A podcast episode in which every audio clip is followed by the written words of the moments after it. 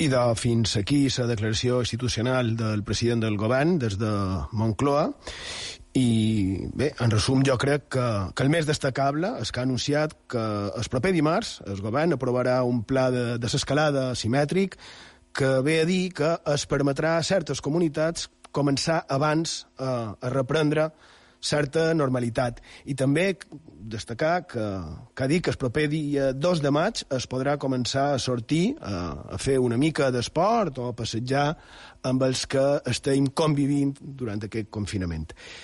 En qualsevol cas, a les 10, les nostres companyes d'informatius ens ho explicaran millor i ens ampliaran la informació. I nosaltres som Font de Misteris i ara comencem.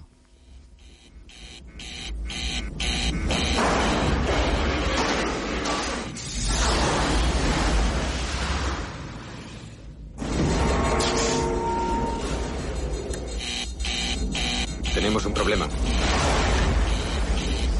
¿Qué has hecho? Remover los tanques. Uh, aquí Houston. Uh, repite, por favor. Houston, tenemos un problema.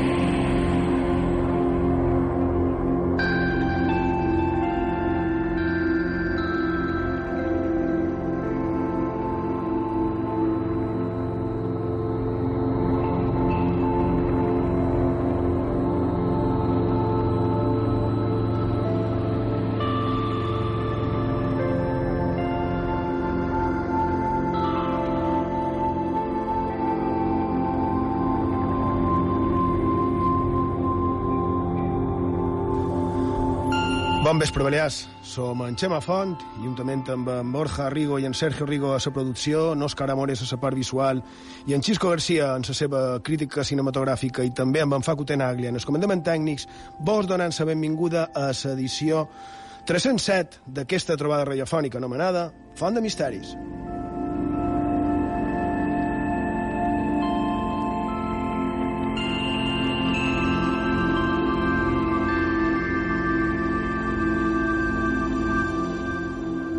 Bon vespre, Sergio Rigo, des de la producció, la producció executiva des de l'estudi 1 d'IV3 Ràdio.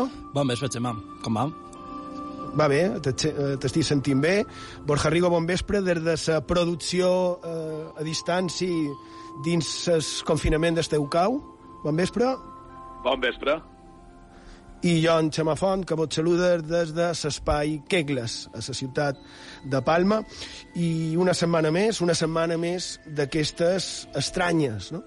Hi ha qui, qui diu que, que tristes. Han de tractar que no sigui del tot així. Sí que són estranyes, però una cosa estranya no té per què ser una cosa trista, malgrat, evidentment, malgrat, evidentment, la tragèdia eh, que hi ha al darrere de tot això. El nostre condol des d'aquí a totes les famílies que, que han perdut qualcú, i més amb aquestes circumstàncies tan, tan doloroses, tan feixugues. Eh, estem a dia 25 d'abril de 2020, fa sis setmanes que el govern espanyol va decretar l'estat d'alarma per, per mort d'aquesta pandèmia i això és font de misteris.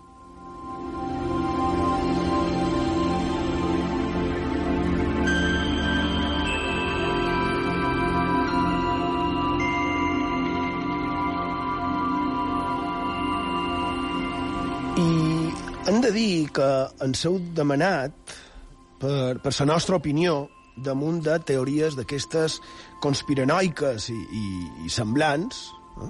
tal vegada no són conspiranoiques, vagi vostè a saber, que hi ha darrere de tot aquest tema, no? el tema de, del virus, vull dir.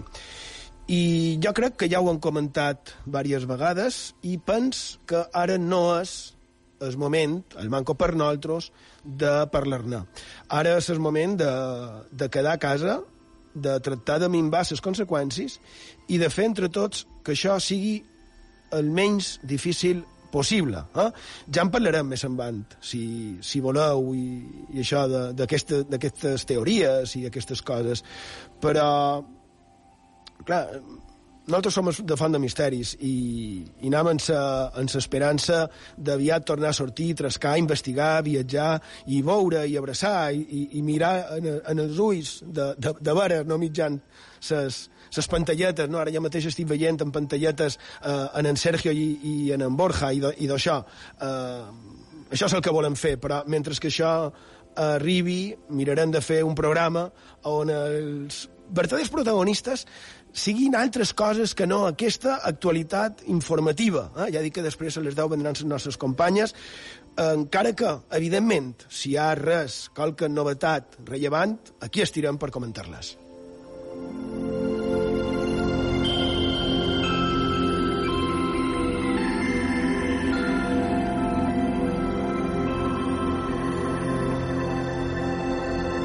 Si vos sembla, Sergio, per no enredar més, podríem fer sumari. Jo crec que podries fer sumari que teníem previst segons l'escaleta, però en la declaració institucional mm, mos han llevat un bon grapat de minuts i, si t'assembla, arribarem fins a on arribarem. Exacte, arribarem fins a on puguem. I doncs, en, aquest, i en aquest programa 307 de Font de Misteris, Gemma, començarem amb el nostre obituari, recordant en Marcos Munstock, conegut per ser una de les veus principals del grup humorístic Lelutiers, i que ens va deixar la setmana passada amb 77 anys.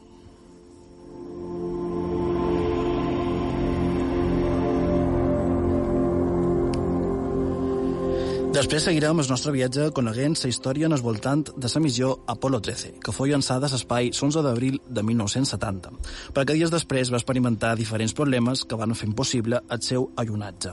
Com foren aquests dies d'angoixa per als astronautes dins aquest confinament forçós?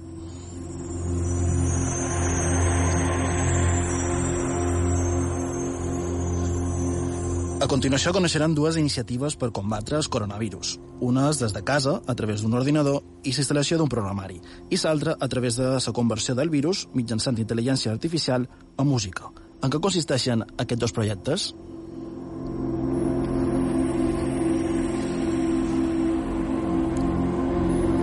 I la part principal del programa, com aquesta darrera setmana, està previst que la dediquem a parlar de quarantenes. Seguirem coneguent algunes de les quarantenes patides en el passat a les nostres illes. Quan van succeir, quin va ser la seva incidència, què diuen els antics relats, com sempre deim, tal vegada aquestes serveixen d'il·lustració per veure que qualsevol temps passat va ser pitjor.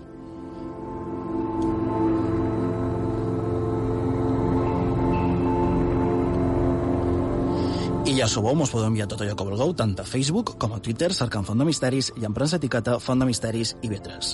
També esperam els vostres missatges en el WhatsApp del programa. El número és 659 769 52. Ho repetim, 659 769 52. I també el correu electrònic fontdemisteris arroba ivetresradio.com. Repetim, fontdemisteris arroba ivetresradio.com. També us podeu seguir al compte d'Instagram cercant Font de Misteris i Vetres i vos recordem que podeu escoltar tots els nostres programes a IB3 Ràdio a la carta, a ib3radio.com, a la plataforma de podcast ivox.com i a la nostra plana web fontdemisteris.com.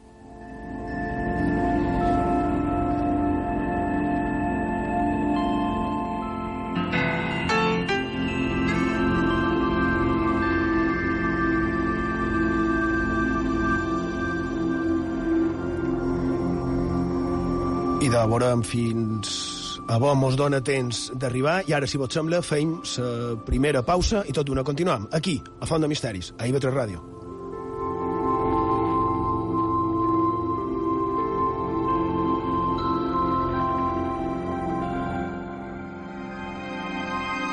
On la història es torna llegenda, a on el més quotidià es torna màgic. Acompanya'ns a la nostra Font de Misteris a IB3 Ràdio.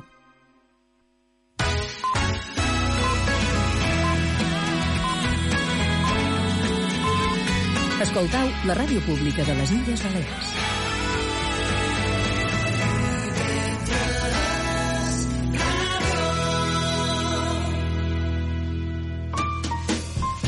Rigo, saps a quina zona del teu cos tens més sensibilitat? En el coll? T'equivoques. En el dit petit del peu. Dissabte a les 11 del vespre, no apaguis el llum. Amb Maria Rigo i Joan Guillem Jaume.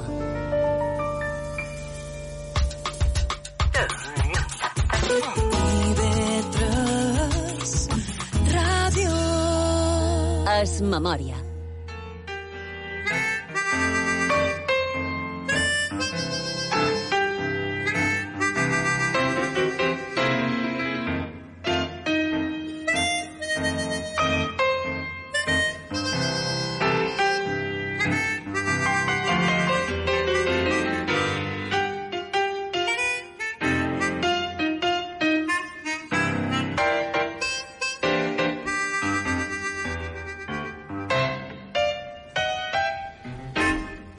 A Font de Misteris, a la sintonia d'IV3 Ràdio, la ràdio pública de les Illes Balears, a Menorca, mos podeu trobar en el 88.6 de la freqüència modulada. I, com ha dit en Sergio just abans d'aquesta petita pausa, avui toca fer obituari. I el nostre obituari és, un, és per un d'aquells que formen part de, de la vida de, dels que feim, o, o fins i tot dels continguts de, de Font de Misteris. Jo crec que és una afirmació, jo crec que és una afirmació categòrica i més com m'està dient que si en so cap en, en Borja. Perquè mm, en aquest cas s'ha mort el Manco per nosaltres un dels referents de l'humor un dels grans, ja dic que el Manco per nosaltres. Així que això, plens de, de tristor, evidentment, mm, Borja Rigo han de fer l'obituari.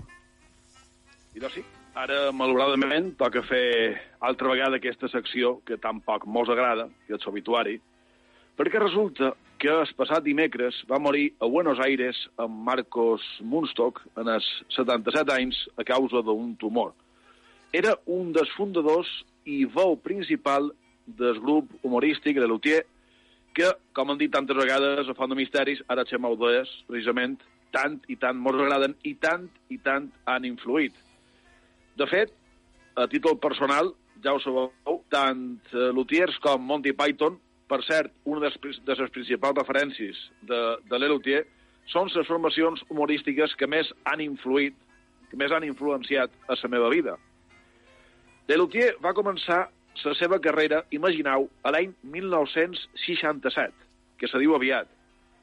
Així que, enguany, compleixen 53 anys d'activitat ininterrompuda. 53 anys de gires contínues amb més de 10 milions d'espectadors acumulats i 38 espectacles estrenats, que també se diu ben aviat, i, evidentment, centenars de representacions cada any.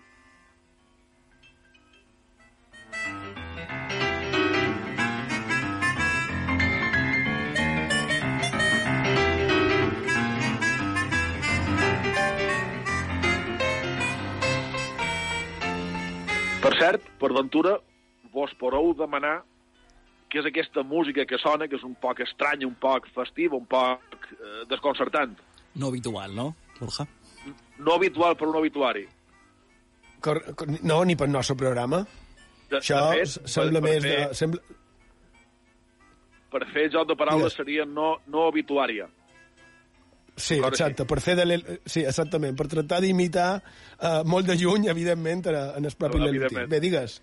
Com, No, sí, el, el que estem escoltant precisament és, és un fragment d'una de les seves peces, reteada per només escoltar la part instrumental, que és, un, és una cançó molt simpàtica que se diu Rhapsody in Balls, i que s'ha tocat amb un instrument molt estrany, són unes pilotes que s'inflen i se desinflen, i un piano. I volia posar com a, com a contrast en aquesta notícia tràgica de la mort de, de Moonstock. Però, si voleu, si voleu, tornant a lo que estava dient, vaig tenir sonor de poder-los veure ja fa anys, l'any 2005, a Bilbao, en el Palau Euskalduna, on van actuar per 2.164 persones.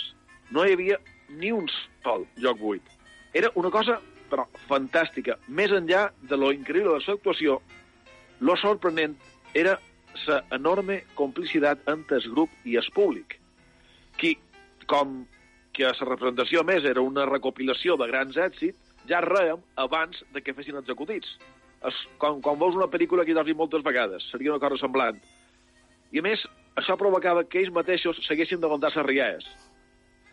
Si voleu, podem escoltar un petit fragment d'una de les intervencions d'en Mustock, ho comentam i després n'escoltam una altra. Bienvenidos a Fronteras de la Ciencia. Ay, ay, ay,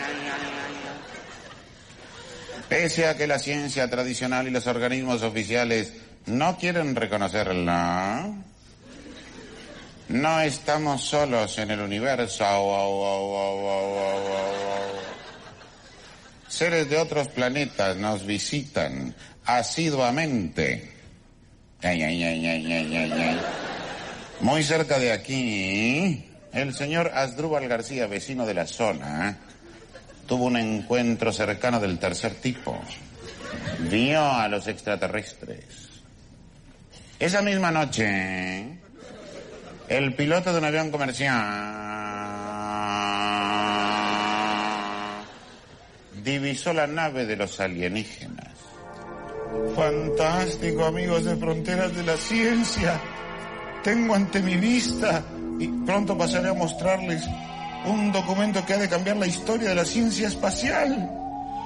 Veo ante mí un ser verduzco arrugado, con el rostro cubierto de escamas, pelos y verrugas, de aire siniestro, amenazante, casi diría repugnante. Tiene entre sus extremidades superiores un extraño cilindro metálico. El termo. Es mi señora.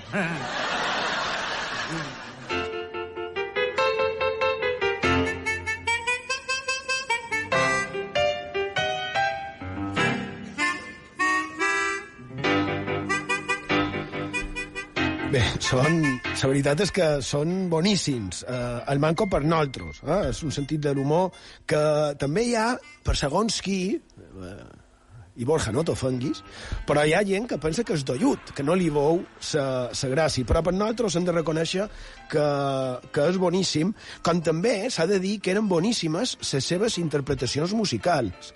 O sigui, la seva música era d'una qualitat, o és, perquè encara segueix en la resta, és d'una qualitat excepcional. I hem de dir, que abans has dit lo dels vols, eh, que un luthier és eh, una paraula, crec recordar que és francesa, le, luthier, que és per mm, definir un fabricant d'instruments. I ells se, es dedicaven a això, a fabricar els seus propis instruments i, i després a fer broma de qualsevol cosa, eh? fins i tot eh, d'ells mateixos. Sergio, tu tens res a dir? Que... Uh, no, a veure, he de dir que, que la veritat que els de Lutiers és un, un grup que he anat coneguent en sos anys. La veritat que al principi m'ho costava, supos que era perquè era més jove, m'ho costava un poc entendre un poc uh, tot el que representava, però ara la veritat és que m'estava aquí, vamos, no podia aturar de riure, menys mal que el micro estava tancat. Sí, no? Es, jo, crec, jo crec que sí. En el meu cas no vaig tenir la sort de poder-los veure. Eh, van venir un parell de vegades a l'Auditorium de Palma i ses vegades, una de les vegades vaig arribar tard perquè ja no hi havia entrades i les altres no vaig poder per, per mort de, de no estar precisament a Silla, no? en aquest cas de Mallorca. Però, però sí, la veritat és que molt, molt grans. Uh, Borja. Ara, ara volia comentar que és cert que van venir a les nostres illes i resulta que l'espectacle del 20 aniversari el varen gravar precisament a l'Auditori a Palma. Sí. És, Corre és curiós. I també Correcte. també he de dir, i això vos sorprendrà, que sabeu que jo sovint de vegades m'enfat en qui fa befa del misteri i, i se'n riu de, des que mos dediquem en el misteri. I do, els lutiers m'agraden tant que m'apareix fantàstic que fain acudits damunt del misteri. A ells se'ls hi permet. Efect, efectivament, efectivament. I, I més ells, com argentins, perquè a l'Argentina va ser un d'aquests jocs també on va haver moltíssima casuística i, i moltíssima fenomenologia de, de, jo crec que comparable fins i tot a l'espanyola, si, si no més allà a l'Argentina, no? Quina quantitat, a més, totes les revistes que, que feien, ara record la revista eh, 2001, es deia aquella revista que, que era de, de per devés els, els anys 80, final dels 70, principis dels 80, no? O sigui, a l'Argentina això era també una cosa que estava molt, molt ficada dins la seva, so, sa, sa seva societat. Tenim un altre tall preparat, Borja Rigo? Sí, si voleu, dels mateixos sketch que se diu Fronteras de la Ciència... Eh, eh, eh, escoltau eh, just el, el moment anterior a lo que sentíem ara. És un diàleg, o biòleg, que dirien ells, entre en Munstock i en Carlos Núñez, ara ja també retirat de situació des de fa un parell d'anys. El sentim moment que trobau. La nave de los marcianos tocó tierra y se produjo el encuentro con el señor Asdrúbal García. Y ahora aquí, en Fronteras de la Ciencia, en primicia exclusiva, por primera vez en la televisión mundial, estamos en condiciones de mostrarles a Asdrúbal García. Yo estuve con los marcianos, yo estuve con los marcianos, yo estuve con los marcianos, he, he, visto a los marcianos, he visto a los, mar a los marcianos. Se, se, se, señor García, me imagino el susto. Sí, pero después se fueron acostumbrando. Bueno, cálmese y cuéntenos exactamente qué sucedió esa noche. Verá usted, yo regresaba a mi casa en el coche con mi mujer cuando de pronto el motor se detuvo. Y tengo entendido que su reloj también se detuvo. También se detuvo. Exactamente cuando vio a los marcianos. No. Y eso es lo extraño. Como un año antes.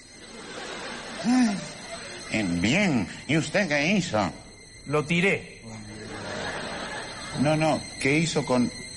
¿Qué hizo con los marcianos? Ah, sí, los marcianos, sí, sí, sí. Entonces los vi. Estaban allí, junto a su nave. Fue maravilloso. Ellos se mostraron muy amigables, ¿eh? Y me permitieron tomarle un rollo entero de fotografías. Un rollo entero de... ¿Se da cuenta? Eso representaba, ¿cómo explicarle? Representaba la respuesta. La respuesta que yo había estado esperando tantos años. ¿La respuesta a qué? A los mensajes.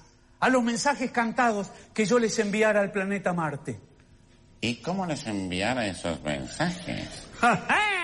Con mi instrumento cósmico higrométrico espacial.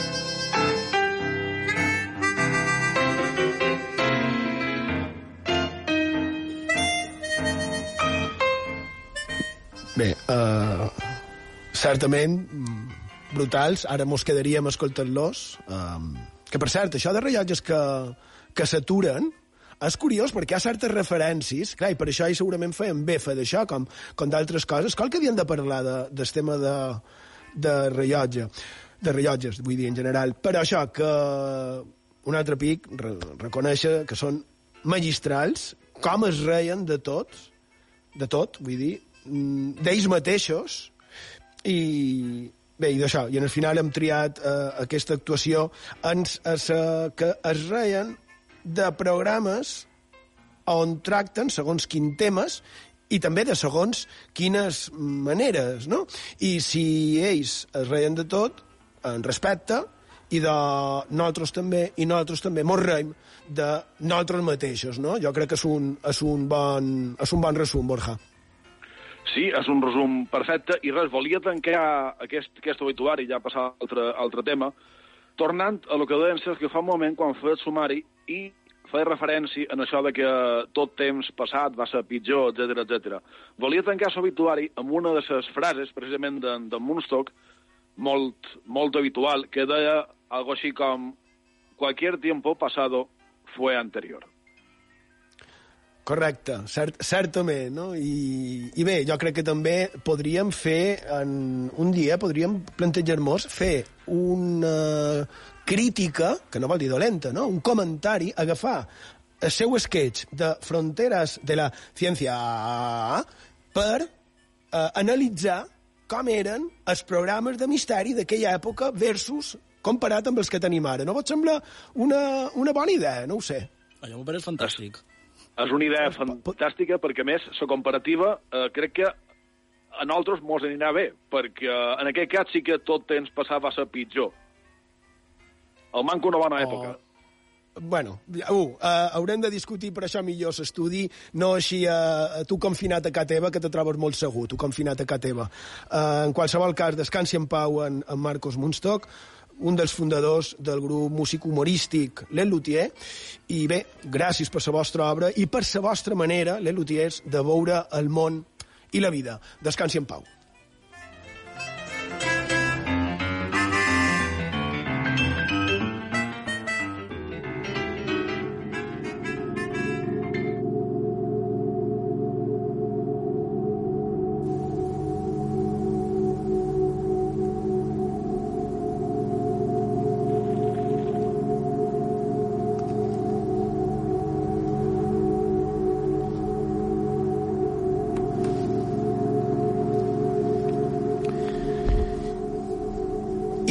Canviem de, de tema, seguim amb el que ha dit en Sergio Natsumari i explicaré el per què. Resulta que a la darrera edició de Font de Misteris, quan varen parlar del Titanic, de la tragèdia del Titanic, i el varen comparar amb el Titan i tot això, vaig recordar que aquella setmana també hi havia una altra efemèride. Es complien 50 anys d'una missió a la Lluna que hagués pogut també haver acabat en tragèdia i que es podria dir que va marcar un abans i un després en sa carrera espacial.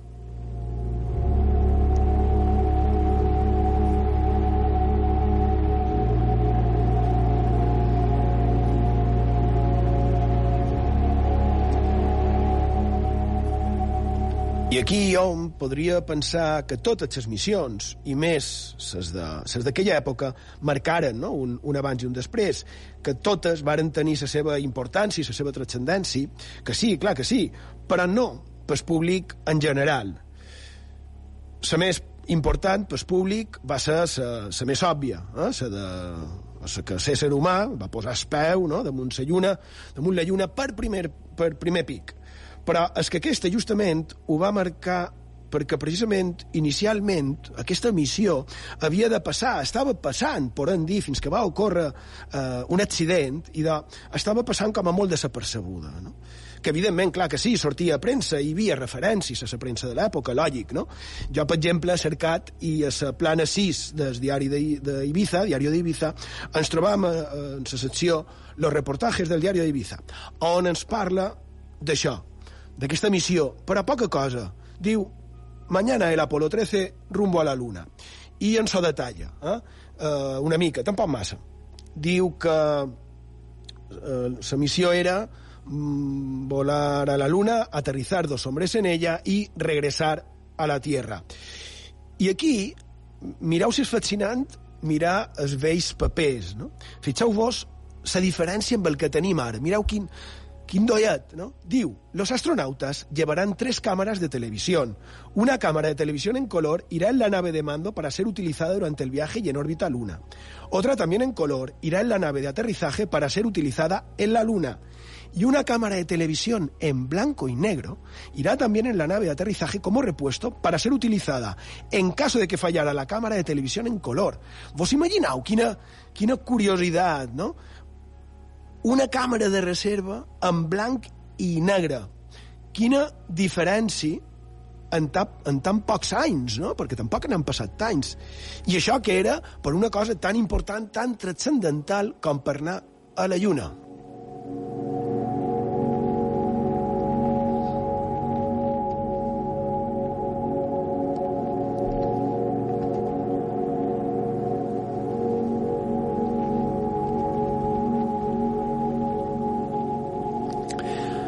Si vos sembla, feim ara una altra petita pausa i tot una continuarem parlant d'aquest petit detalls que podem trobar darrere d'aquesta fascinant missió que va ser la Apolo 13, cap a la Lluna, aquí, a Font de Misteris, a IB3 Ràdio.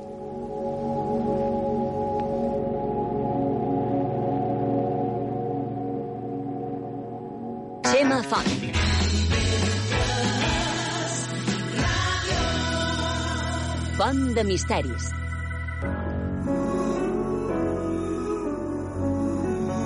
Deia Diògenes que la cultura és un saber que flueix espontàniament. Si acabeu d'arribar a casa, us ve de gust estirar-vos sobre el sofà i relaxar-vos, Nura és el vostre programa. Tot el que voleu saber sobre el món dels llibres, la història, l'art o el patrimoni. Una temporada més i esteu convidats. Dimarts i dijous a les 10 del vespre a IB3 Ràdio.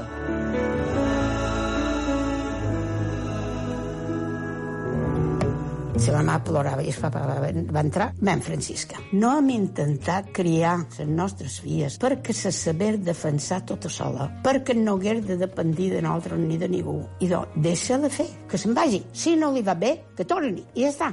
Estic seguríssima que no hi havia de les amigues que jo tenia, molt més riques que jo, molt més situades, no tenien un pares que fessin això. I me'n vaig anar a França. Aire, a IB3 Ràdio, dimecres a les 8 del vespre amb Joan Cabot. IB3 Ràdio. A Menorca, 88.6. Misteris i llegendes a Font de Misteris, amb Xema Font.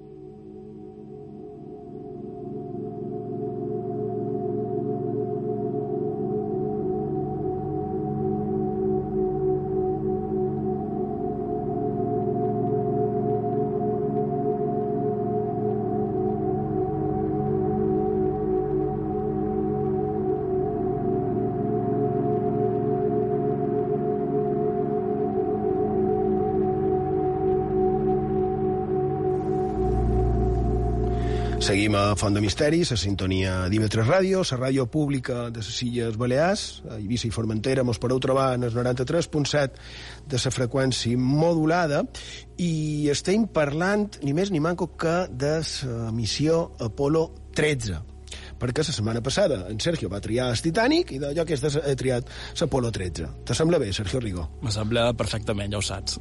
Val. Si eh, també te sembla bé, podries donar formes de contacte i de, tenim... I, I mentre li donaré passen en Borja. Digues, digues. I de so tenim el Facebook i el Twitter, cercant Font de Misteris, i en premsa etiqueta Font de Misteris i B3. També tenim el WhatsApp del programa. El número és 659 16 69 52. Ho repetim, 659 16 69 52. I el correu electrònic fontdemisteris arroba ib3radio.com.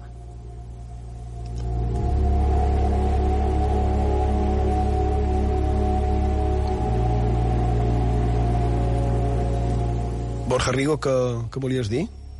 No, volia dir que, que ara pensava que han passat 50 anys, més o manco, des de, des de la missió Apolo 13, i tu fa un moment feies una referència a les càmeres que duen, a les tres càmeres, dues principals en color i una eh, en blanc i negre de reserva, i ara, com a curiositat, 50 anys després podem dir, perquè l'audiència per ventura no ho sap, que com estem tots tres a tres indrets diferents, per veure-nos mentre fem el programa, ara mateix estem empleant cinc càmeres diferents amb alta definició. Correcte. Cinc càmeres. És, és, és increïble, si ho penses. Correcte. Per una cosa que sonava com... internet que quasi no estava ni pensada. Uh, exacte, sí, uh, exactament. I és vera que empleam més càmeres de... O sigui, han doblat les càmeres perquè, mm, com a vegades fallen, en lloc de treure una en blanc i negre, i doncs tenim dues per on per veure-nos i per, i per fer-nos senyals per, per tractar d'evitar que es noti massa aquesta distanciació física que tenim a l'hora d'emetre el programa. I doncs, efectivament, anàvem amb es, en l'Apolo en l'Apolo 13, amb aquesta missió, perquè Apolo és nom de, de les missions, les naus eh, rebien altres noms. I de, de queixa, de l'Apolo 13, encara no feia ni un any de, des de que el mòdul lunar en la tripulació de la missió Apolo 8 havia aterrat, allunat, eh, millor dit, i, i estaven allà en tot el món, en tot el globus, pendent d'ells. Eh? No, no entrarem tampoc, eh, van ser dit les teories conspiranoiques damunt de, de la pandèmia, no entrarem avui tampoc en les teories conspiranoiques de si es va o no es va arribar a la Lluna eh, eh, aquell moment, però eh, precisament en aquell moment, en aquell juliol de 1969, eh, a la tele, a tot el món, es va veure quasi, quasi en directe com es deia i es feia famosa la frase aquella que deia un petit pas per un home, una gran passa per la humanitat. It's one small step for man, one giant leap for mankind. Que jo crec que podríem dir com, com Isaac Asimov en el seu llibre, no? un moment estel·lar de, de la ciència. I jo crec que és una de les frases més famoses que ha i, i la més famosa, sens dubte, de la carrera espacial. Aquesta és la més famosa, però n'hi ha una altra, hi ha una altra. Hi ha una altra frase que ja s'ha fet popular, tant que jo diria que s'ha fet una... s'ha convertit amb una d'aquestes frases fetes, no? que, que sovint l'empram quan qualque cosa no surt com un espera que, que hagi de sortir. Mm, L'escoltam. Okay, Houston, we've had a problem here. This is Houston. Say again, please. Oh, Houston, we've had a problem. L'heu reconeguda perquè, si encara serà, el, el tornarem a escoltar perquè a lo millor no, no l'hem escoltat del tot bé. Tornem a escoltar.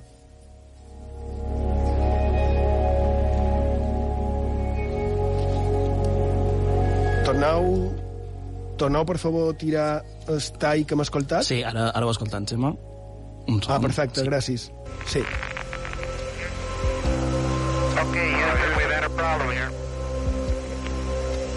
This is Houston. Say again, please. Oh, Houston, we've had a problem.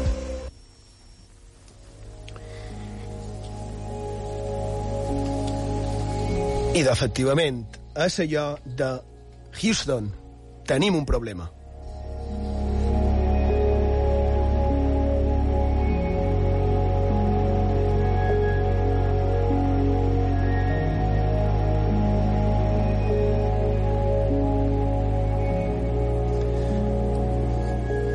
Borja Rigo?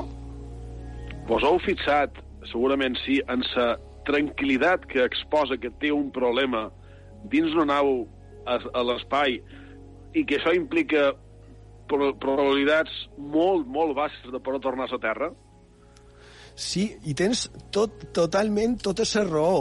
Al igual que quan a l'altre tall que hem escoltat, que eres de Armstrong, eh, quan va tocar eh, quan va posar el peu a, a la Terra, que no sé si ho hem explicat, eh, també ho fa amb una normalitat, i en canvi hi ha, ha d'altres vídeos, perquè un, un pensa, i d'aquesta gent deu tenir la sang feta d'orxata, no? Que, que, que no li va ni li ve res. I no, no, no és que fos així, perquè després hi ha imatges, sí, com en Borja Rigo, precisament, que té la sang d'orxata.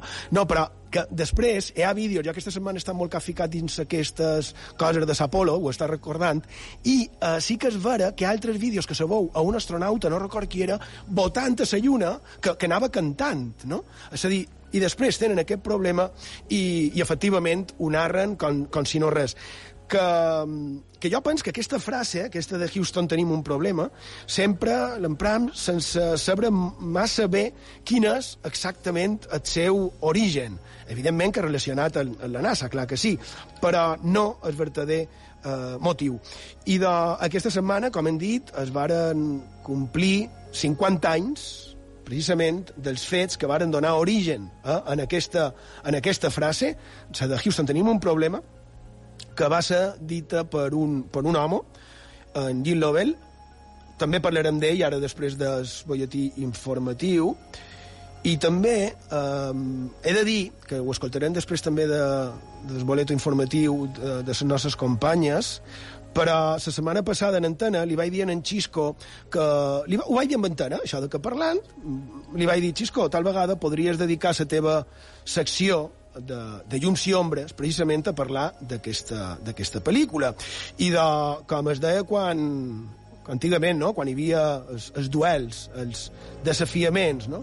ell va agafar eh, el guant que li, que li vaig llançar i, i va fer a la seva a la seva crítica cinematogràfica, en els seus llums i ombres, el dedicarà a, a la pel·lícula, precisament a la pel·lícula Apolo 13. No? Per això serà ara d'aquí un moment, aquí, a Font de Misteris, a IB3 Ràdio.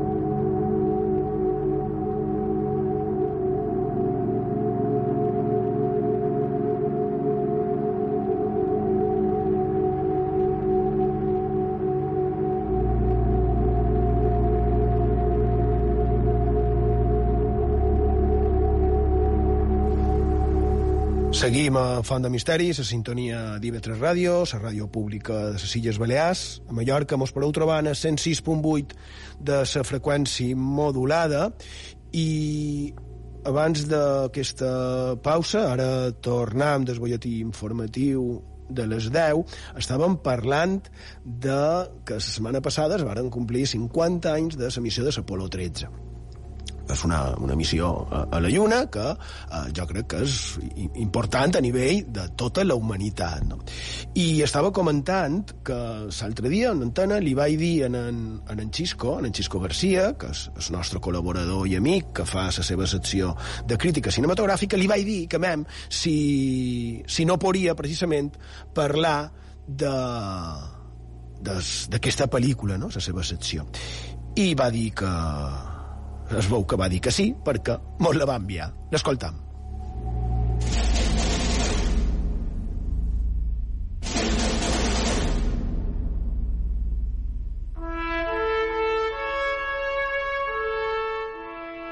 El pobre número 13 ja va ser ignorat, segons sembla ser, per un escriba babilònic una mica despistat allà per l'any 1760 abans de Crist, mentre transcrivia el Còdic de Murabi. Per aquestes terres, la gent més major, al 13 li deien la dotzena de bisbe. Actualment n'hi ha d'altres que li diuen 12 més 1, i a llocs com els Estats Units aquest no apareix a algunes plantes dels gratacels o a les portes d'embarcament de determinats aeroports. El curiós d'aquesta fòbia, molt coneguda per tothom, és el desconeixement del seu nom científic, triscaidecofòbia. Voy a pisar la luna, Marilyn. Sí, lo sé. No puedo creerlo. Claro que es el 13. ¿Por qué el 13? Va después del 12, cielo. Bon vespre, Xema i companyia. Avui a l'Espai Llums i Ombres quedarem a les mans de la llei de Newton, de camí cap a la Lluna i qui sap si tornarem a la Terra dins l'Apolo 13, dirigida per Ron Howard i estrenada l'any 1995. Està més que demostrat que fora del nostre planeta tot està dissenyat per matar-nos. No hi ha atmosfera, la pressió genera un buit gairebé absolut, la temperatura o ens congela o ens fregeix, el sol que dona vida a la Terra a l'espai es vol matar amb la seva radiació, i malgrat tot això, uns éssers humans varen tenir el valor de ficar-se a una llauna d'alumini i anar cap a la Lluna. I a més a més, en aquest cas, en la missió número 13. Subiré como comandante del Apolo 14 hacia finales del año que viene. Si es que hay un Apolo 14. Mire, Jim, la gente de mi estado me pregunta por qué continuamos financiando este programa ahora que ya hemos vencido a los rusos en llegar a la Luna. Tom Hanks interpreta el comandant de la missió de la NASA, Gene Lovell. Juntament amb Bill Paston i Kevin Bacon, seran els protagonistes de l'aventura espacial més perillosa que hi ha hagut mai, i que de tots és ben coneguda que va acabar sortint bé, però aún no podia imaginar la quantitat de problemes que varen tenir durant tot el trajecte. Uh, aquí Houston. Uh, repite, por favor. Houston, tenemos un problema. I és que Ron Howard dirigeix aquesta pel·lícula com un mecanisme de rellotgeria perfecta, com va ser el famós rellotge que els astronautes varen utilitzar a les aventures a l'espai. Intercala els nombrosos personatges que hi surten d'una manera magistral i amb el tempo adequat donant aquella píndola d'informació per a que l'atenció vagi en augment, però en cap moment s'aturant a l'espectador. I sobretot, el que té mèrit és que els especialistes d'aquestes temàtiques varen quedar encantats en la versemblança dels fets i els profans varen gaudir de la trama, de la tensió i d'haver passat una estona amb una història molt ben contada. Quiero que esta marca llegue a estar situada en la Tierra con tiempo de sobra. Jamás hemos perdido a un hombre en el espacio y no vamos a perderlo bajo mi mando. El fracaso no es una opción. Cal dir que per fer creïbles les escenes dels astronautes flotant mentre estan a l'espai es van construir parts del decorat de la nau dins un Boeing KC-135, especialment modificat i així, aprofitant l'efecte de la manca de la gravetat gràcies als vols parabòlics, els actors flotaven de manera creïble i sense haver d'utilitzar cap sistema de cordes. Per acabar, comentar que l'astronauta Gene Lovell actualment té 92 anys i continua donant entrevistes amb una energia i claretat envejoses. Bona nit i salut.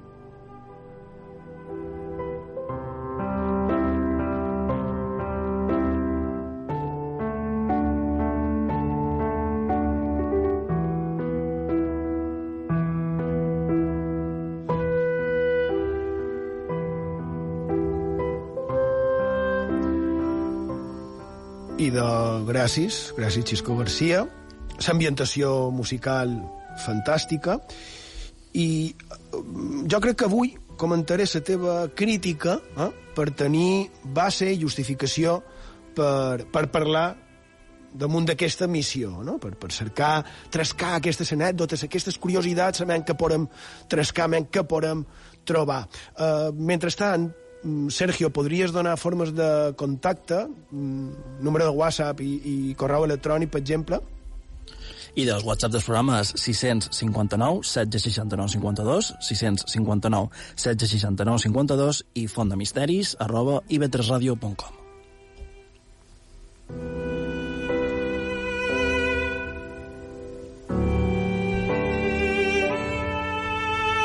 I de per començar, dir que, Xisco, que, que he trobat molt interessant el que has dit de, des, des 13, des número 13. Haurem de xerrar de, de supersticions, no sé si, si ho hem tractat mai en, en el tema, però en Xisco mos ha dit, mos ha comentat això de, dels gratacels, també d'habitacions d'hotels on es voten, no? que, que el número no, no, no és. Però el que no has dit, el que no s'ha dit, és que aquí, aquí, els nostres avions no tenen filera 13. Eh? Uh, això, Borja, Sergio, vos havíeu fixat mai? Sí, qualque vegada sí. Sí, sí. Sí. Sí, eh? Mm. Clar, per, per, és, el que té. I de no tothom se n'ha fixat mai. Uh, ara esperem que aviat, quan puguem tornar a viatjar, uh, fixeu-vos, fixeu-vos, perquè passa des 12, passa en els 14. I no estic parlant d'avions estrangers ni d'altres cultures. Estic parlant, sense anar més en fora, dels nostres avions, dels nostres interilles. Eh? Però què penseu que varen trobar, que varen pensar els membres d'aquesta expedició, de l'aventura, no? de, de l'Apolo 13, de que fos aquest el nombre de, de la seva missió. En el tall que, que en, en Xisco ha posat, diu, per, ha dit que el, com, com eh, per què el número 13? Diu, pues, perquè va després dels 12, no? Clar, homes de ciència enfrontats en els 13. I d'escoltau, perquè crec pens que és interessant. Bé, eh, com, vàrem, com vàrem dir abans d'ahir per mort de, del dia del llibre, Font de Misteris ens capficam en els, en els llibres per treure's informació, no? I en aquest cas, idò, també. Això ho, ho, ho trauré tot d'un llibre, ara diré quin, i, i, i bé, mireu com, com està en el, en el llibre eh, aquesta referència de, que fos la missió 13. Diu, Enfrentar uno de los mayores empeños científicos de la humanidad con una de sus supersticiones más arraigadas tenía un atractivo irresistible y casi todo el mundo aplaudió la altivez, la arrogancia de a ver si te atreves a realizar la misión de, to de todas maneras e incluso de bordar un gran 13 en las insignias de los uniformes que usarían los astronautas durante el vuelo. Durante las semanas previas al lanzamiento, el público se volcó en una especie de caza del 13, buscando presagios numerológicos que auguraran algún desastre a la misión. Posa. La fecha prevista era el 11 de abril de 1970 o 11-4-70. La suma de un par de unos, un 4, un 7 y un 0 da 13. El lanzamiento sería a la una de la tarde y 13 minutos, hora de Houston, que, por si todo aquello no bastara, se escribía 13-13. Si el lanzamiento se producía a la hora prevista, la nave penetraría en la esfera de la influencia gravitacional de la Luna el 13 de abril. A la NASA y a Lovell todo aquel vudú le parecía extraordinariamente ridículo. Para el comandante de la misión, el viaje a Framuro, que era a Bonaviendaná, a la Lluna, era una expedición científica, ni más ni menos. En una empresa semejante no cabía la charlatanería de la superstición, y el lema que eligió Lovell para reproducir la insignia oficial de la misión reflejaba su convicción. Rememorando sus días de Anápolis, Lovell tomó el lema de la Armada, Extriden es ciencia, del mar el saber, y lo convirtió en ex luna es ciencia. Para Lovell, la adquisición de saber era una razón estupenda para hacer un viaje lunar.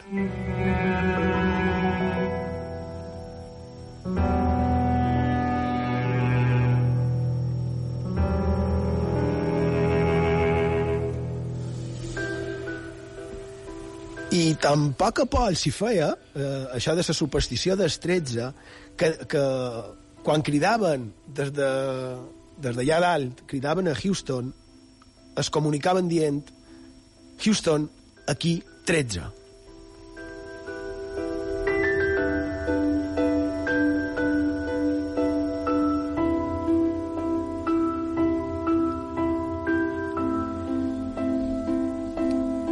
Part d'això, en Xisco ha fet referència precisament en això de que, de que no hi havia massa interès no?, en aquesta missió. Perquè, clar, la gent, en general, es demanava per què s'ha de seguir anant a la Lluna si ja s'ha arribat, no? I, i bé, també fa referència en Xisco és que, que el guió s'adapta molt a la realitat. I de tant, com que, com que un dels seus protagonistes reals, en Jim Lovell, va ser precisament coautor del llibre en el que es basa el guió de la pel·lícula, eh? és, és el llibre que, que estem emprant. I, clar, per això podríem dir que gairebé tot és més o manco, eh? però vendria a ser com va succeir i com es va narrar en aquell moment. Hi ha coses, evidentment, que són de Hollywood, clar que sí. Per exemple, abans hem estat parlant de frases èpiques, no? I d'això que també eh, s'ha dit en Estall d'en Xisco de que el fracàs no és una opció, vos sona, no?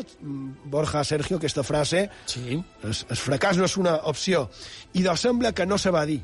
Aquesta frase mai se va dir, i menys amb aquesta rotunditat. Crec que el que va dir verdaderament el director de la missió quan es varen trobar amb aquest problema en el que ja han fet referència, el que realment va dir és tenim feina per fer.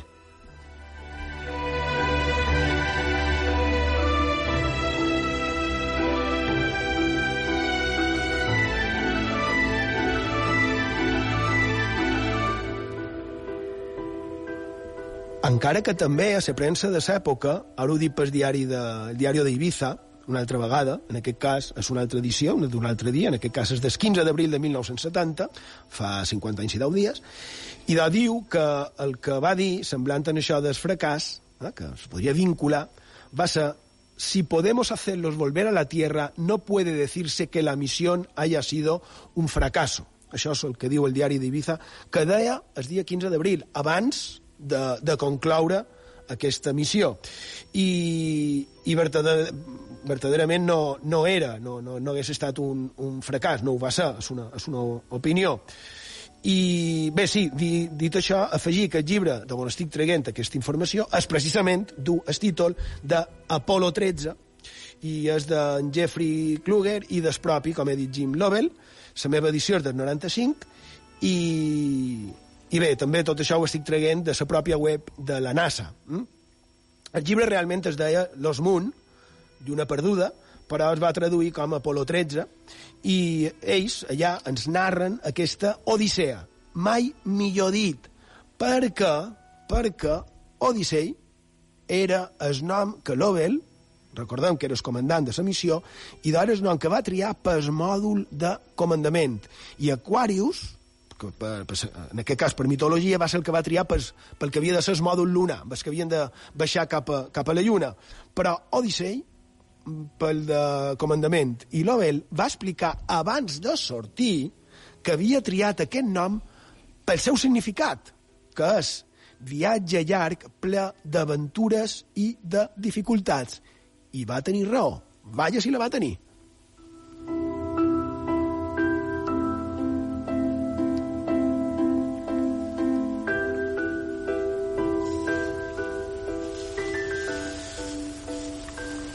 I per què dic que va tenir raó? I de, si vos sembla, ara farem una petita pausa i tot d'una continuarem aquí, a Font de Misteris, explicant molt breu què va passar a la missió Apolo 13 i cercarem un parell de curiositats més damunt d'aquesta missió. Petita pausa i tot d'una continuem aquí, a Font de Misteris, a IB3 Ràdio. Xema Font. Font de misteris.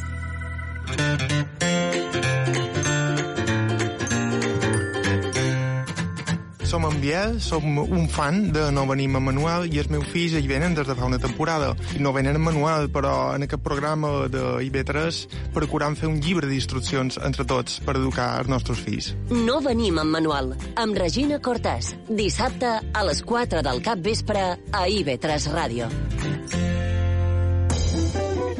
Este día del libro me gustaría recomendar la lectura del libro Aforescencias del poeta y humanista menorquín Aitor Castells. Para mí este libro es un libro de efervescencia poética en comprimidos concentrados. Aitor Castells, Aforescencias. Forma part d'IV3 Ràdio. Participa. 646 93 45 01. Al WhatsApp d'IV3 Ràdio. IB3 Ràdio. A Solla, 89.2.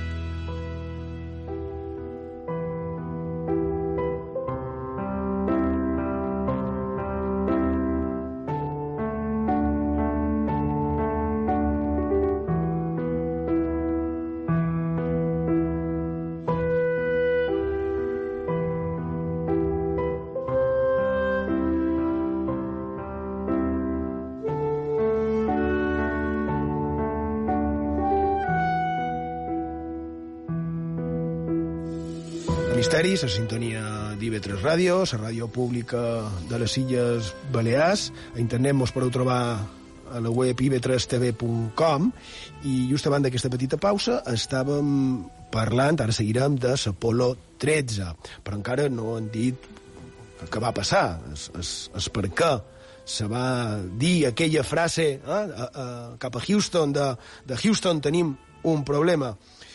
I de què va passar? I de que abans de dur, eh, de, de realitzar l'allunatge que havien de fer, abans d'això, encara eren de camí, els hi va rebentar un dipòsit d'oxigen i eh, els hi va fallar el sistema de subministrament d'energia. I clar, aquest fet, hem de pensar que estaven eh, al mig de l'espai i aquest, feia els, aquest fet els hi va obligar a canviar els seus plans. I amb el minúscul mòdul que, amb el que dos homes havien de baixar la lluna durant una estoneta, s'hagueren de ficar tot tres per tornar cap a la Terra, reconduir aquella mena de, de nau cap a, cap a la Terra amb unes condicions molt precàries.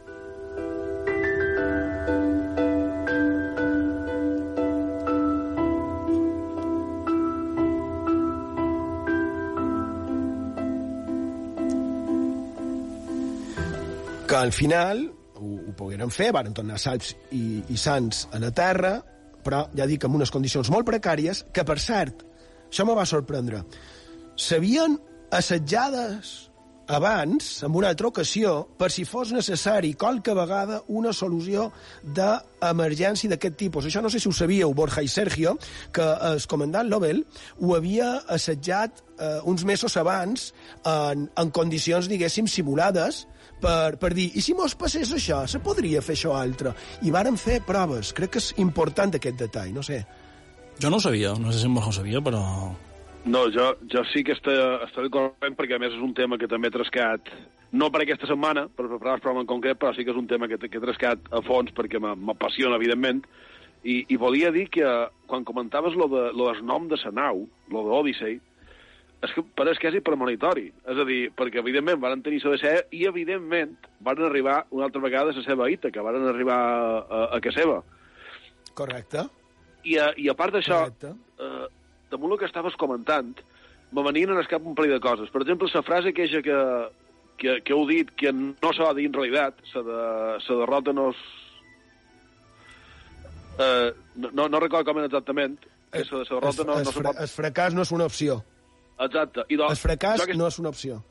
Exacte. I doncs, jo aquesta frase justament no la recordava d'aquest d'aquesta aventura a l'espai, sinó d'una cançó de del Silencio, que duia una frase molt semblant, que, per cert, i ara ho vinculant tot, veureu, una cançó que se diu Para siempre. I, evidentment, la història de Apolo 13 quedarà a la memòria per sempre. No crec que hi hagi cap dubte. No, Però- sí, pas, jo no sé si està molt, molt oblidada ja l'Apolo 13, no ho sé. I, I una altra cosa que me venia al cap és quan també comentàveu que efectivament eh, ja no, no estava de moda el tema de la carrera espacial, ja havien guanyat en els russos. Això és curiós perquè fa uns anys vaig tenir la sort d'entrevistar en el ja desaparegut Roberto Gurlai, no sé si el recordeu, Sí. eh, locutor de ràdio, eh, científic, assessor de la NASA a èpoques també, i m'explicava precisament això, que una vegada passades un parell de missions, ja era tan normal, entre cometes, això d'anar a la Lluna, que les darreres fins i tot ja ni se van retransmetre per televisió. Ja no interessava a ningú. Exacte. Però en aquest cas, l'Apolo 13 va tenir aquesta repercussió precisament per, perquè va fallar, no? Jo crec que va ser això. I en aquest cas varen tenir la sort perquè varen, és vera que varen assetjar eh, en, en simulació lo del mòdul lunar, però a l'hora de la realitat havia de funcionar el motor d'ignició i que, més, havien de poder mesurar el temps per poder entrar de tornada a la Terra sense ser rebotats per l'atmosfera, que és el que també ha comentat en Xisco del rellotge.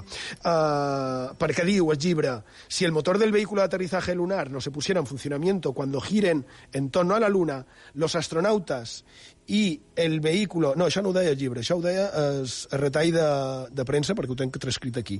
Si el motor del vehículo de aterrizaje lunar no se pusiera en funcionamiento, cuando giren en torno a la Luna, los astronautas y el vehículo en que viajan quedarían atrapados en órbita lunar hasta que la fuerza de atracción del satélite de la Tierra los haga estrellarse contra su superficie. Increïble. Bé, um, brutal, jo crec que és, que és molt, molt bo. Uh, tornant a la secció d'en d'en Xisco, també ha comentat el fet de que, de que en Jim Lovell, el comandant de la missió, amb més de 90 anys, segueix en actiu. Jo me va cridar molt l'atenció a un homenatge multitudinari que varen fer en, Tom Hanks. En Hanks estava emocionadíssim quan, en el moment en què va sortir el Lovell, es varen saludar amb, es, amb una sal, salutació militar, no? molt, molt típica americana, allà a la distància, i en, en Lovell, allà damunt de l'escenari, diu em considero un dels homes més afortunats del món. Per una banda, per haver aconseguit tornar a la Terra i haver estat part de la carrera especial. I per altra banda, per haver estat representat a la gran pantalla per Tom Hanks. No? Jo crec que això mostra el tarannà no? d'en de Lovell. I, I tot això ho deia, a part de que perquè m'encanta aquesta història, perquè eh, ajusta, eh, ajunta bastant el que tenim ara. No? Un fet inesperat sembla que ens ha de dur a la catàstrofe, però després, amb enseny, en responsabilitat, amb implicació, les coses acaben bé. No? I el símil jo crec que va més enllà d'això, perquè a més de tot el que hem vist, també hi havia també hi havia fins i tot un perill de contagi de sarampió. També varen estar confinats. Va haver fins i tot entre fake news i llegendes urbanes. Just ara deia això de si no els hi funcionés eh, el motor. Verdaderament, el que hagués passat és que o bé s'haguessin quedat allà orbitant la Terra o s'haguessin anat, Déu sap, cap a on. Eh? I de, damunt d'això, el, el sistema de la llegenda urbana, que, que ara, precisament, passat demà, es compleixen 75 anys de la suposada mort, millor diré, de la mort oficial, no hem d'obrir un debat, Borja Rigo, de la mort oficial d'en Hitler en el búnquer de, de Berlín, no?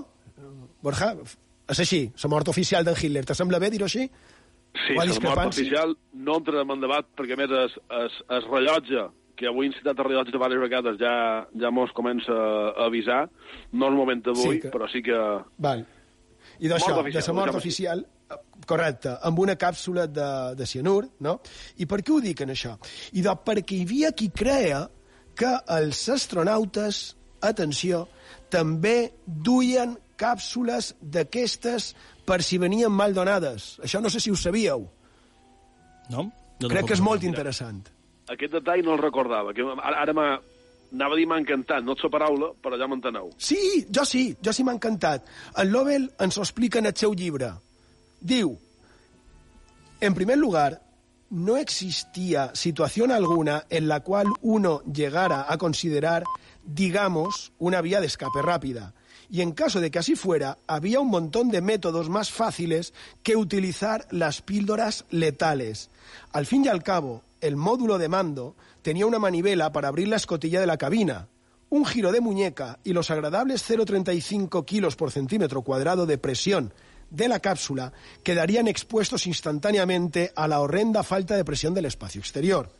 Cuando la atmósfera interior fuera expulsada violentamente al vacío exterior, todo el aire que le quedara a uno en los pulmones explotaría rabiosamente. La sangre le empezaría a hervir instantánea y literalmente, su cerebro y sus tejidos pedirían oxígeno a gritos y todo su organismo, traumatizado, sencillamente echaría el cierre. Todo acabaría en escasos segundos. En realidad, era aún más rápido que las ridículas píldoras letales y, además, era mucho más honroso.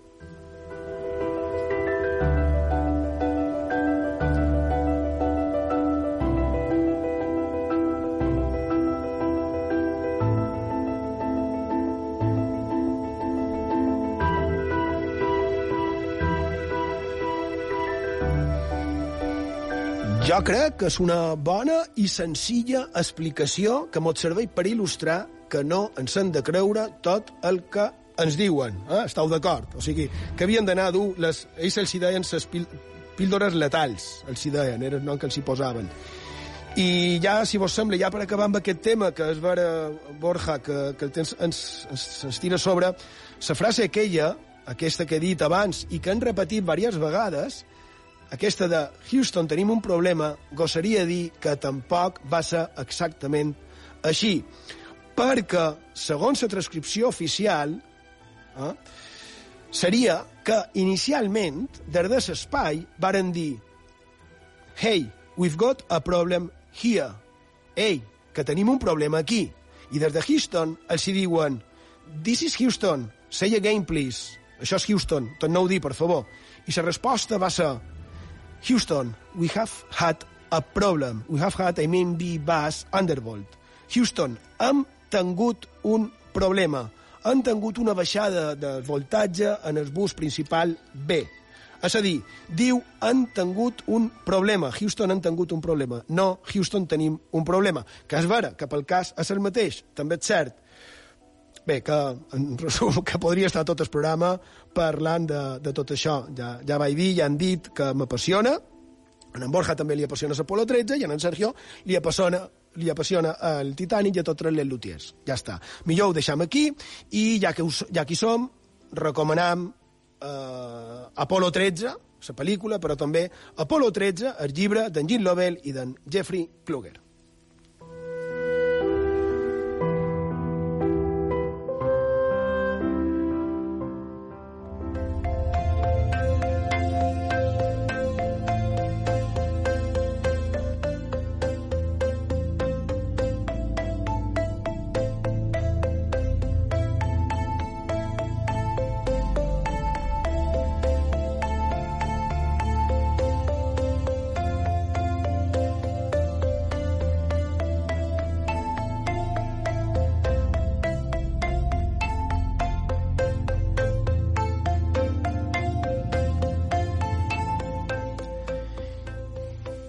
Ara, si vos sembla, deixem l'espai, deixem la història de la carrera aeroespacial, millor dit, i ens anem a un tema molt actual, però sense entrar en detalls de, del tema. Eh? Ni tampoc entrarem en polèmiques. Ja he dit abans que ara no és moment d'això, ara és moment de quedar a casa i, i que per nosaltres no, no sigui així. I ho dic perquè han trobat, han trobat un sistema per també des de casa, totalment des de casa, contribuir de qualque manera, de qualque manera activa, contribuir a lluitar contra la pandèmia a nivell internacional.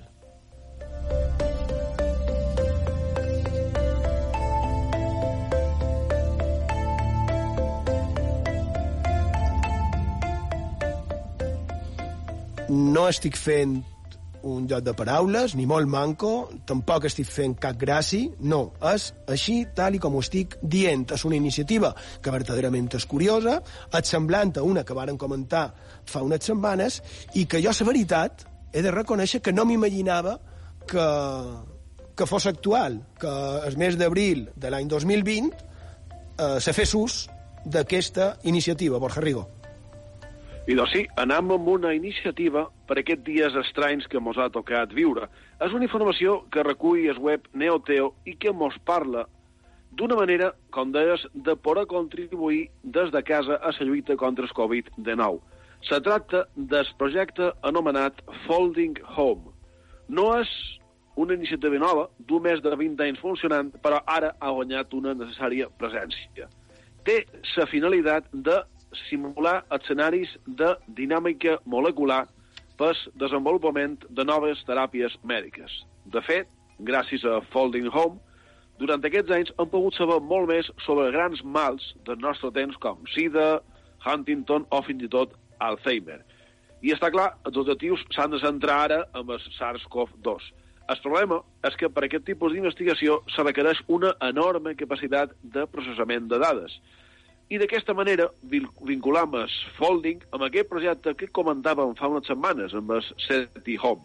Els vinculam ja que el funcionament és essencialment el mateix. Cada usuari, des de que seva, descarregant l'aplicació, pot contribuir a analitzar dades i així mirar de trobar una solució.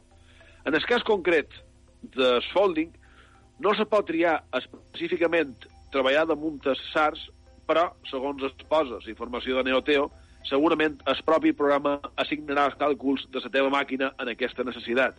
De fet, aquesta seria la gran similitud amb, amb SETI Home, ja que el nostre ordinador realitzaria aquestes tasques mentre estigui encès, però sense, sense usar-se. Eh, diguéssim, sí. uh, uh, mig adormit, per, per entendre-nos. Sense un ús actiu. Està, digui... Efectivament. Uh, que, que és vera que té molta semblança amb el, amb el projecte SETI Home, i, i és vera que en vàrem parlar fa, fa uns pocs programes, no fa massa, però eh, han d'evitar donar coses per suposades, així que podries dir, és a dir, no tothom té per què saber què, què és això del projecte City Home, no? Podries dir molt breu eh, en què consistia aquest projecte. I doncs sí, el projecte City Home se va crear, o va crear la Universitat de Berkeley, que, per cert, aquest projecte va acabar la seva operativitat el passat 31 mes de març eh, 31 de mes de març, perdó, i consistia eh, en iniciativa que es va posar en marxa l'any 1998.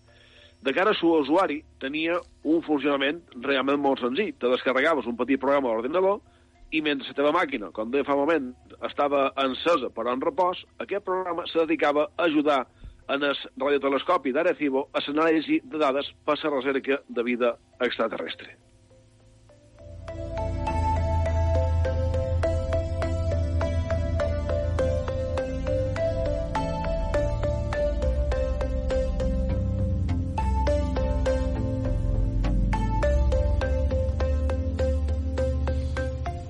Ara, mentre estaves recordant una miqueta això de City Home, um, ara ho, ho estava comprovant. Si poses en el, en el cercador, en el Google, poses SETI, com sona, i també poses Font de Misteris, et durà directament en aquest programa del que, estem, en el, del que vàrem estar parlant d'això. Però crec que així queda més clar què va el tema. Borja, què vols dir?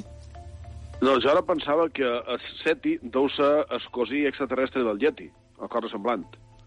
Bueno, és el que ens faltava per sentir. Ja, ja, ja ho tenim tot. Um, bé, res, que m'apari molt bé.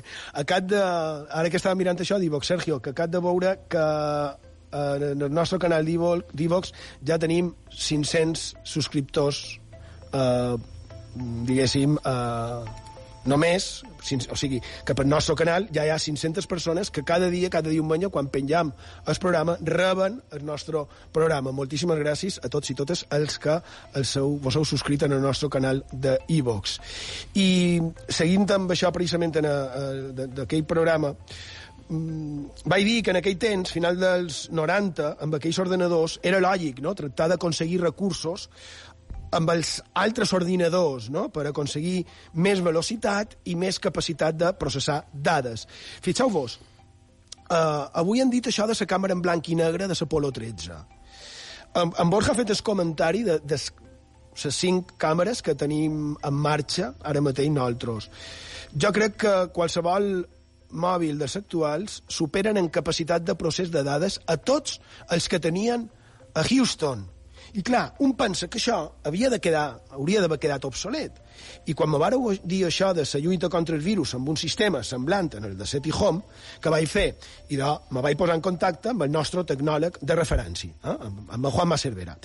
En Juanma és un reputat informàtic, presta els seus serveis a una de les empreses d'informàtica més rellevants i jo crec que podem dir més important del món, bé, fa feina Microsoft, però eh, les consultes que li feim és a nivell, evidentment, particular. Eh? I li vaig demanar si tenia o no, o no tenia sentit això, a menys si és que ho feien, i així de clar ho dic, per tal de fer que la gent mos sentíssim part integrant de, del projecte, no? de fer-nos sentir útils, de col·laborar, eh? de, de qualque manera, encara que no fos necessari. I bé, la seva resposta, en resum, és que, efectivament, malgrat haver evolucionat moltíssim les màquines, resulta que sí, que segueix fent ús d'això de compartir els recursos de les màquines. Mm, un exemple, me va dir, seria el que, aquest que han dit nosaltres, eh? el, de, el del Covid, però n'hi ha més. Ara, just fa un any, es va dur a terme un projecte, jo crec que me va posar aquest com a exemple, com a resposta eh, en, el, en el tema de la vida extraterrestre, no? del SETI Home, i pels temes que parlàvem en en el programa. Jo crec que per això me va dir aquest d'exemple. I doncs, just fa un any es va dur a terme un projecte internacional, més de 50 països implicats, on una col·laboració entre l'Institut d'Astrofísica de Canàries, Microsoft i la NASA s'ajuntaven per fent un ús de la computació distribuïda, que aquesta és la denominació oficial, computació distribuïda, fer una recerca d'exoplanetes. Val? Això se va fer fa un any. I, per altra banda, referent a la qualitat de, de vida aquí a la Terra, me va parlar d'un enginyer de, de software, també de renom, en Julián Isla, és un dels grans especialistes en intel·ligència artificial, i aquest senyor va tenir un fill amb una malaltia d'aquestes que, que no se sap ben bé el que té. I què va passar? I del que li varen diagnosticar erròniament, no sabien ben bé què passava, eh? una malaltia d'aquestes rares, i que, i que clar, estorben en diagnosticar-les amb el que això representa. I aquest enginyer es va donar que el problema de les malalties aquestes és precisament que estorben en diagnosticar-les perquè és molt complicat analitzar tot el volum d'informació genètica. Així que va decidir posar fil a l'agulla i ha creat una fundació que es dedica, en resum, a fer això que han dit, analitzar emprant la potència de màquines en paral·lel per analitzar les dades i tractar de millorar la vida de moltes persones. I aquí també entraria eh, en, en funció, veure, la, la intel·ligència artificial. No ho complicarem ara, ja durem a l'estudi en en Juanma Cervera perquè ens posi el dia en totes aquestes coses.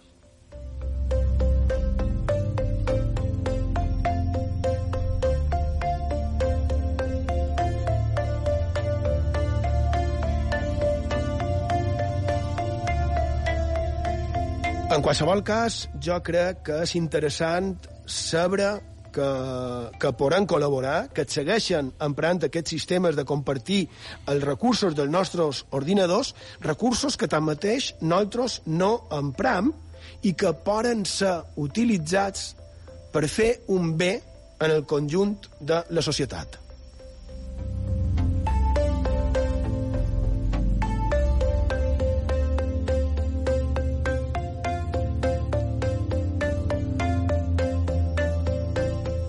I, I una altra cosa, davant de, de la meva sorpresa, Borja, això jo crec que, que tu te farà més gràcia que, crec que en Sergio, perquè en Juanma me va parlar, no per res, sinó per, per canvi generacional, ho dic. Eh? Vale, vale. En Juanma me va parlar, clar, no és per una altra cosa, que si no ara quan ho digui estic parlant de, de l'ús fraudulent d'això, o sigui que no. Uh, l'ús fraudulent per fer negoci amb aquest mateix sistema. Ja, ja ens ho contarà en, en, en Juanma Cervera quan vengui al, al programa, però me va sorprendre molt, perquè hi ha qui, mitjançant aquest sistema, s'ha dedicat a fer criptomonedes, a minar, que és així com es diu. Eh? O sigui, eh, que tu tens el teu ordinador que calcula està emprant per fer, per fer dobbers, per fer diners, per fer eh, sous, en les criptomonedes. val? perquè les criptomonedes se generen amb màquines, són màquines que estan fent feina. Eh, jo crec que és molt interessant. A tu no te repercuteix massa cosa, però qualcú sí que s'aprofita d'aquesta situació. Jo crec, que és, jo crec que és curiós. O sigui que sí, efectivament, les màquines són més potents, però la quantitat d'informació també s'ha incrementada, així que jo crec que podem ser solidaris per donar un, un cop de mà, ser solidaris sense haver de fer massa cosa. Eh? Simplement aneu a foldingathome.org.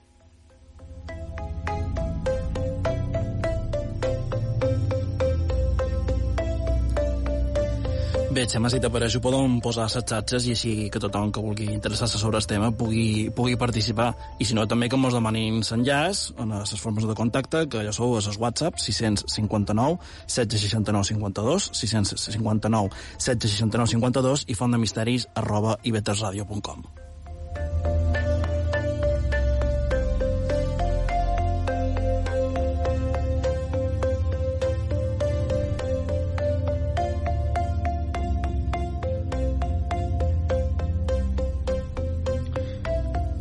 I si això ha estat curiós, interessant, crec que ara, Sergio, ens sorprendràs en, en quelcom on mesclant també la intel·ligència artificial, i tampoc sé molt bé com dir-ho, eh, el Covid-19, tal vegada, hi ha hagut que li ha donat, qualcú que li ha donat una volta a tot això, Sergio. Sí, efectivament, Xema, no deixant de banda les iniciatives positives, en aquest cas relacionades amb el coronavirus, perquè ara hem de comentar una notícia molt curiosa i estranya, que ara en conèixer també en el portal Neoteo fa uns dies i que convertia el Covid-19 en música.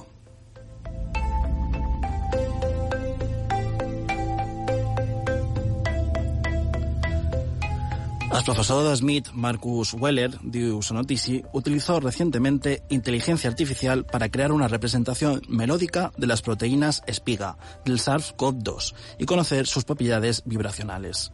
La superficie del virión está cubierta con una serie de espigas que transmiten la sensación de una corona, de allí que surge el coronavirus. Esas espigas son una pieza fundamental del rompecabezas que le permite al virus secuestrar, entre comandas, la maquinaria de su anfitrión y producir nuevas copias. Y cuanto más sepamos sobre ellas, sin olvidar al resto del virus, por supuesto, más rápido encontraremos mecanismos destinados a limitar o interrumpir su capacidad infecciosa. Ahora, pocos imaginaban la posibilidad de obtener información convirtiendo el virus en música, pero eso fue exactamente lo que hizo el profesor. ¿Cómo sembla? Borja Rigo? A mi m'apareix a mi m'apareix fascinant i estic intrigat. Ara la veritat és que mm, no sé molt bé en què derivarà tot això, així que si en Sergio vol continuar. Val, i de... jo tampoc sé què me sembla. Jo crec que estic d'acord també amb tu, Borja. Això del confinament mos està fent tot nervós una miqueta, no sé, eh? Um, Bé, aquí primer el tema és que som un programa de ràdio, així que m'imagino, Sergio Rigo, que tens preparat qualque tall, estàs encarregat tu, estàs a producció executiva tu, així que m'imagino que, que l'has carregat, perquè si no, quina poca gràcia per anar de música i no posaró, no? Sabia com ho demanaria, Xema, i sí, sí, ho tenim aquí preparat. Així sona aquesta música a partir dels coronavirus. Ho sentim.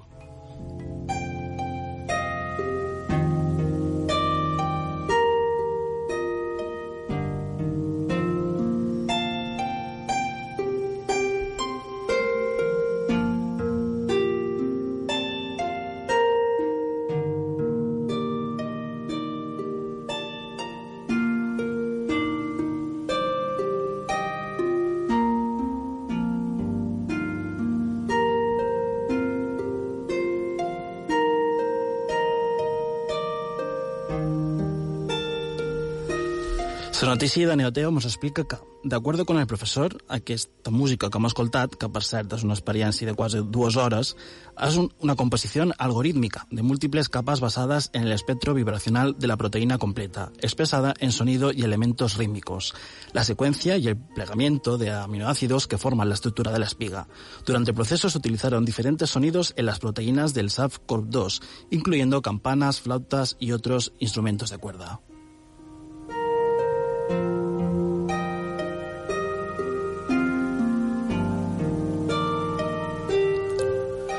Wegel explica que las vibraciones pueden cambiar a medida que las temperaturas se vuelven más cálidas y también podrían revelar por qué las espigas del SARS-CoV-2 gravitan más hacia células humanas que otros virus. Por lo tanto, entender esos patrones vibracionales es escrito para el diseño de drogas y muchos más.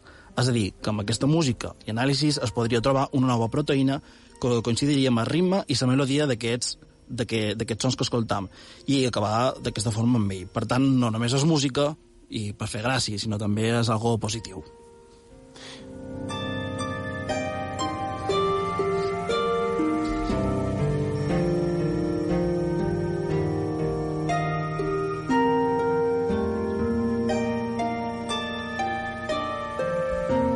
I de la veritat és que m'ha sorprès.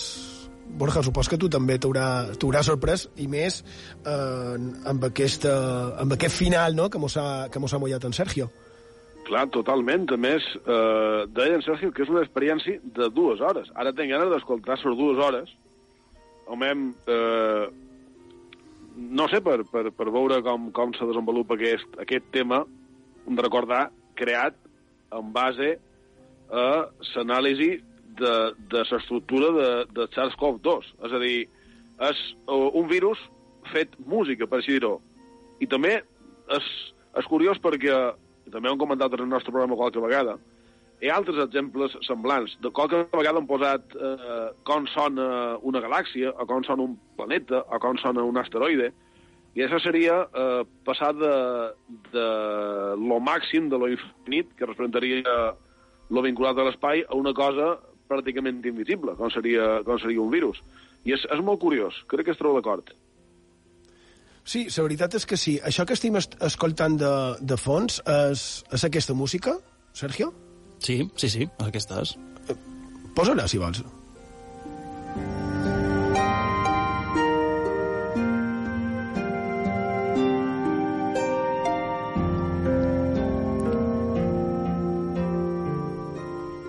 I de, així seria la representació musical d'aquest virus que s'ha fet per tractar d'ajudar a trobar la manera d'acabar amb ell. I de certament no ha quedat només com una, com una gràcia, no només és una anècdota, sinó que, que crec que, que està molt bé eh, i a més el que, el que ho hagis dit, recordem també que si voleu saber com podeu contribuir amb, amb els vostres ordinadors, i també mos ho demaneu en el, en el nostre WhatsApp, però està molt bé això de que pugui servir precisament per trobar solucions per a aquest virus. I de, a part de la fricada, mmm, crec que ha estat molt adient, Sergio Rigo. Gràcies.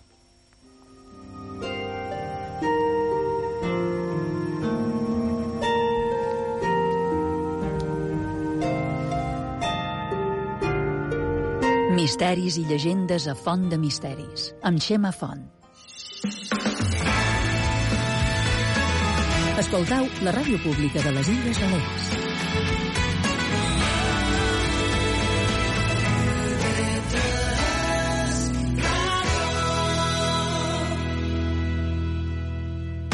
Els dimecres a les 10 del vespre ens deim coses. Un programa d'humor a mig camí entre la realitat i la ficció, l'actualitat i la desinformació, entre el rigor i la cara dura o la poca vergonya. Vaja, com un treball de màster fet amb la Viquipèdia. Ens deim coses amb Joan Guasp, Aitor Pérez i Guillem Casals. Dimecres a IB3 Ràdio. Cada dia, quan manquen 5 minuts per les 9, mirant l'actualitat des d'una altra perspectiva. I avui som dimecres, també som dijous. Crec que avui és dimarts, dimarts, dimecres? Dilluns. Estem fatal. Autèntics herois en bata que ens han situat en un punt optimista. No m'alerta amb això de suposar que això amb un parell de mesos estarà llest. No serà cas. La grit del d'avui va durar dos anys entresonada i després va desaparèixer perquè ja se va cansar d'infectar eh, el virus i se'n va anar. Oh! La Picolíssima, a l'informatiu matí d'IV3 Ràdio. IB3 Ràdio. És història.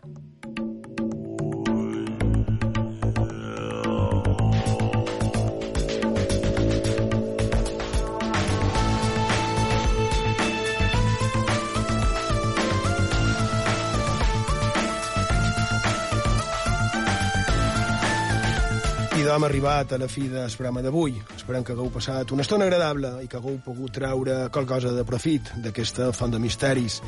Bé, per començar, reiterar, tornar a mostrar el nostre agraïment a totes i tots els que feis que això que ens toca viure per mort d'aquesta pandèmia no sigui encara pitjor del que és. Eh? Des d'aquí el nostre agraïment a totes i tots els que cada dia vos arriscau pels altres fins, fins al punt de, de vosaltres mateixos haver-vos infectat.